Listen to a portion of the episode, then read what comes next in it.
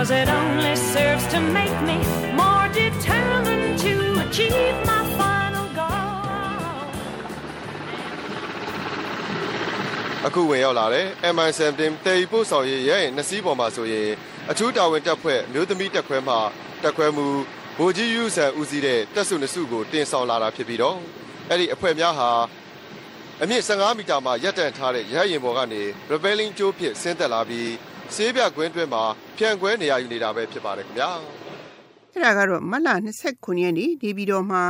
83ချိန်မြောက်တမ်ဘရော်နေ့စီးရေးပြအခမ်းအနားရဲ့တစ်စိတ်တစ်ပိုင်းဖြစ်ဒီနေ့မှာထူးထူးခြားခြားအမျိုးသမီးတက်ခွဲမှုဗိုလ်ကြီးယူယူဆန်ဥဆောင်တဲ့တပ်စုနှစ်စုကရဟတ်ရင်ဘော်ကနေစင်ရေးပြကွင်းထဲကိုဆင်းသက်တဲ့မြင်ကွင်းကိုအဲ့ဒီနေ့က live ဓာတ်ရိုက်ထုတ်လွှင့်ရမှာအခမ်းအနားအစီရင်ခံခဲ့သူက အခုလိုရှင်းပြခဲ့တာပါ ဒါအပြင်ဒီနှစ်ထူးခြားချက်နောက်တစ်ခုကတော့တမ်ဘရော်ကာကွယ်ရေးဦးစီးချုပ်ဗိုလ်ချုပ်မူကြီးမင်းအောင်လှိုင်ကိုချစ်တဲ့အလေးပြုတဲ့တပ်ခွဲတွေမှာအမျိုးသမီးဗိုလ်မှူးတချို့ပါဝင်ခြင်းနဲ့ဖြစ်ပါတယ်အခုဆိုရင်တော့ဗိုလ်မှူးတက်တက်ခိုင်ဦးဆောင်တဲ့အောင်ကြီးရစစ်ကြောင်းအလံတော်ဖွဲ့ဟာတပ်မတော်ကာကွယ်ရေးဦးစီးချုပ်ကိုအလေးပြုပြီးတော့ပြန်လည်ထွက်ခွာနေတာဖြစ်ပါတယ်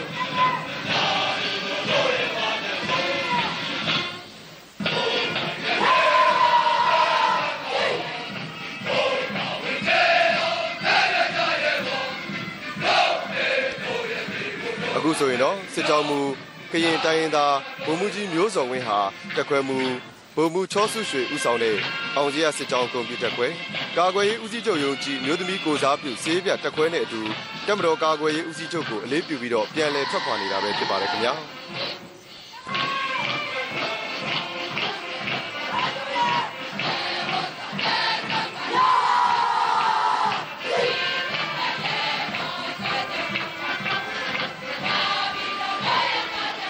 အခုဆိုရင်တော့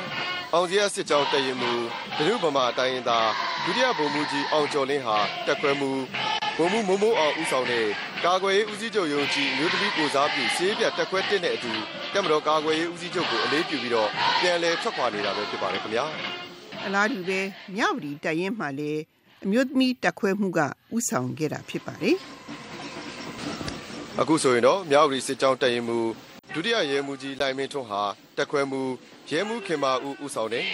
မြန်မာနိုင်ငံရဲတပ်ဖွဲ့မျိုးသမီးကိုစားပြုစေးပြတက်ခွဲတက်တဲ့အတူတက်မတော်ကာကွယ်ရေးဦးစီးချုပ်ကိုအလေးပြုပြီးတော့ပြန်လည်ထွက်ခွာနေတာပဲဖြစ်ပါတယ်ခင်ဗျာအဲဒီတက်ခွဲရဲ့အနောက်မှာဆက်လက်ဒါအပြင်အစီအစဉ်ကြီးညာခဲ့သူက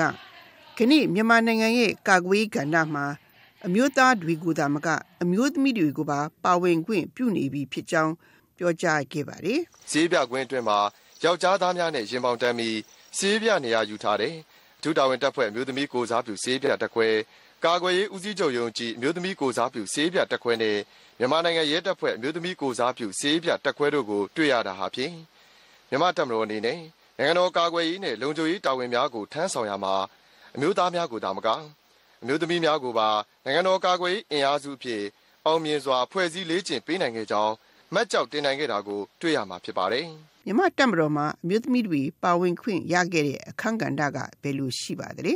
မြမစစ်တပ်မှာအမျိုးသမီးအရာရှိတွေဖြစ်ပထမဦးဆုံးပါဝင်ခွင့်ရခဲ့တာကတော့1954ခုနှစ်ကဖြစ်ပြီး1960ခုနှစ်မှာတော့ဆရာဝန်သူနာပြုရုံးလုပ်ငန်းတွေကလွဲလို့အမျိုးသမီးတွေကိုစစ်တပ်မှာစုဆောင်ခြင်းကိုရပ်တန့်ခဲ့တယ်လို့သမိုင်းသူတေသီတချို့တို့ထောက်ပြခဲ့ကြတာရှိပါတယ် တခါ2013အောက်တိုဘာလမှာတော့ဆေးပညာနဲ့မပတ်သက်ပဲအမျိုးသမီးတွေကိုမြန်မာစစ်တပ်မှာရှောက်ထားဖို့နိုင်ငံပိုင်မြန်မာအလင်းသတင်းစာမှာကြီးညာခဲ့ရမှာတော့အရက်အနည်းဆုံး9ပေ3လက်မ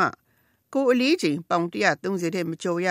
အသက်25ကနေ30ရှိဖို့လိုပြီးအိမ်တောင်မရှိသူဖြစ်ရမယ်လို့ဖော်ပြထားတဲ့အပြင်ပိုတင်တန်းအောင်မြင်ရင်ဒုဘူအဆင့်ပေးမှာဖြစ်တယ်လို့လေကြော်ညာမှာဖော်ပြထားပါတယ်။ ရန်ကုန်တိုင်းမော်ဘီတက်နယ်ဗိုလ်တင်တန်းကျောင်းကနေပထမဦးဆုံးအမျိုးသမီးစစ်ဗိုလ်တွေ2014ဩဂုတ်လကတင်တန်းဆင်းခဲ့တာဖြစ်ပါတယ်။စီးပညာဘိုင်းကနေတက်သေးဝင်ခွင့်ရခဲ့တဲ့မြန်မာအမျိုးသမီးဒုတိယဗိုလ်မှူးကြီးမိုးမိုးမြင့်နဲ့ဒုတိယဗိုလ်မှူးကြီးစန်းတီတာခင်တို့ဟာလွှတ်တော်မှာပါဝင်တဲ့တမတ်သားရှိတဲ့တမ်ဘရော်ကိုယ်စားလှယ်တွေအဖြစ်2014ဇန်နဝါရီလမှာစတင်တာဝန်ထမ်းဆောင်ခဲ့ကြပါတယ်။ မြန်မာနိုင်ငံရဲ့လူဦးရေ56တန်းကျော်နဲ့စစ်တပ်ရဲ့အင်အားဟာ9သိန်း16000ရှိတယ်လို့ Global Firepower 2019အညွှန်းကိန်းအစီရင်ခံစာမှာဖော်ပြထားပါတယ်။ဒါကြောင့်မြန်မာနိုင်ငံရဲ့လူဦးရေတဝက်ကျော်ရှိတဲ့အမျိုးသမီးတွေရဲ့ခန့်ကဏ္ဍကမြန်မာစစ်တပ်မှာဘယ်လိုရှိပါသလဲဆိုတာကိုအမေရိကန်ကာကွယ်ရေးဌာနလက်အောက်ရှိ Hawaii ခြေဆိုင်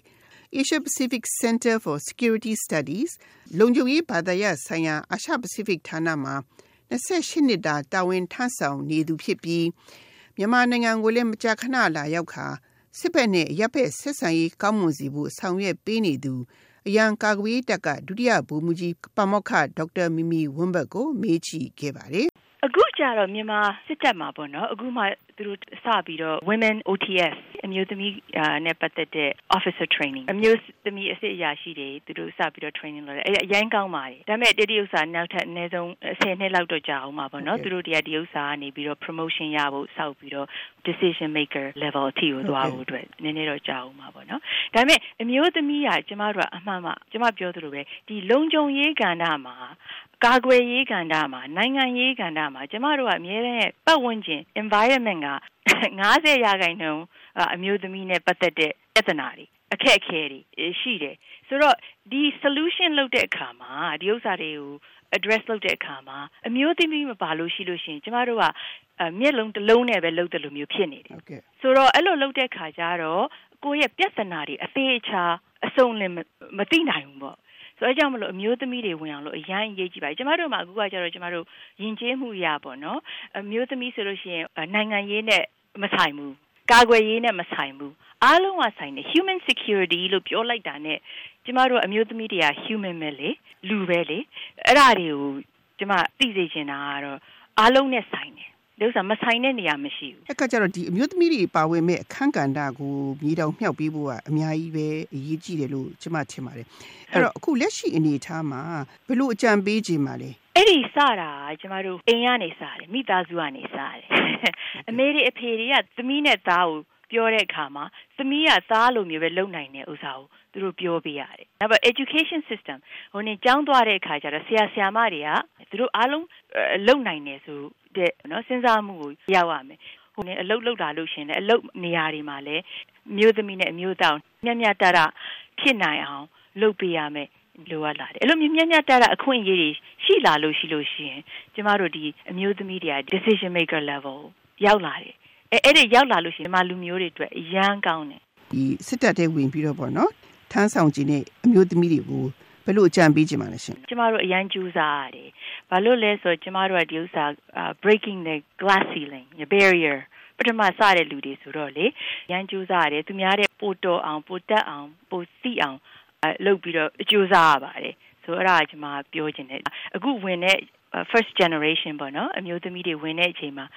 ပို့ပြီးတော့ကြိုးစားဖို့ကျွန်မတိုက်တွန်းနေပါတယ်မြန်မာစစ်တပ်မှာအမျိုးသမီးတွေအနေနဲ့ရှေ့တန်းစစ်မျက်နှာမှာတိုက်ပွဲဝင်မဲ့စား ငြိမ်းချမ်းရေးဒုက္ခတွေအရေးလူအခွင့်အရေးနဲ့တဘာဝဘီဒုက္ခကယ်ဆယ်ရေးစသဖြင့်တို့မှာပုံမပါဝင်လှုပ်ဆောင်တင်ကြတဲ့အပြင်တမတော်ရဲ့အခန်းကဏ္ဍဟာနိုင်ငံမှာဘယ်လိုရှိသင့်ပါလဲဆိုတဲ့ကချင်တိုင်းသားခေါင်းဆောင်တူရဲ့ပြောကြားခြင်းနဲ့အတူဒီသတင်းပါရဲ့မြစ်သမီးများဂန္ဓာကိုညီကုန်းချုပ်အပ်ပါတယ်ရှင်။တမတော်ဟာ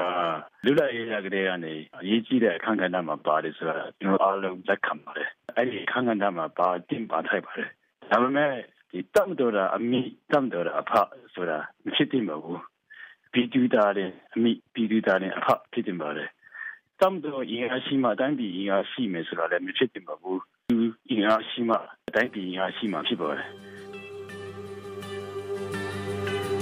You can bend but never break me,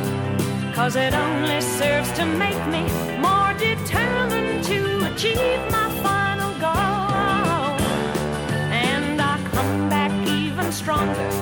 not enough.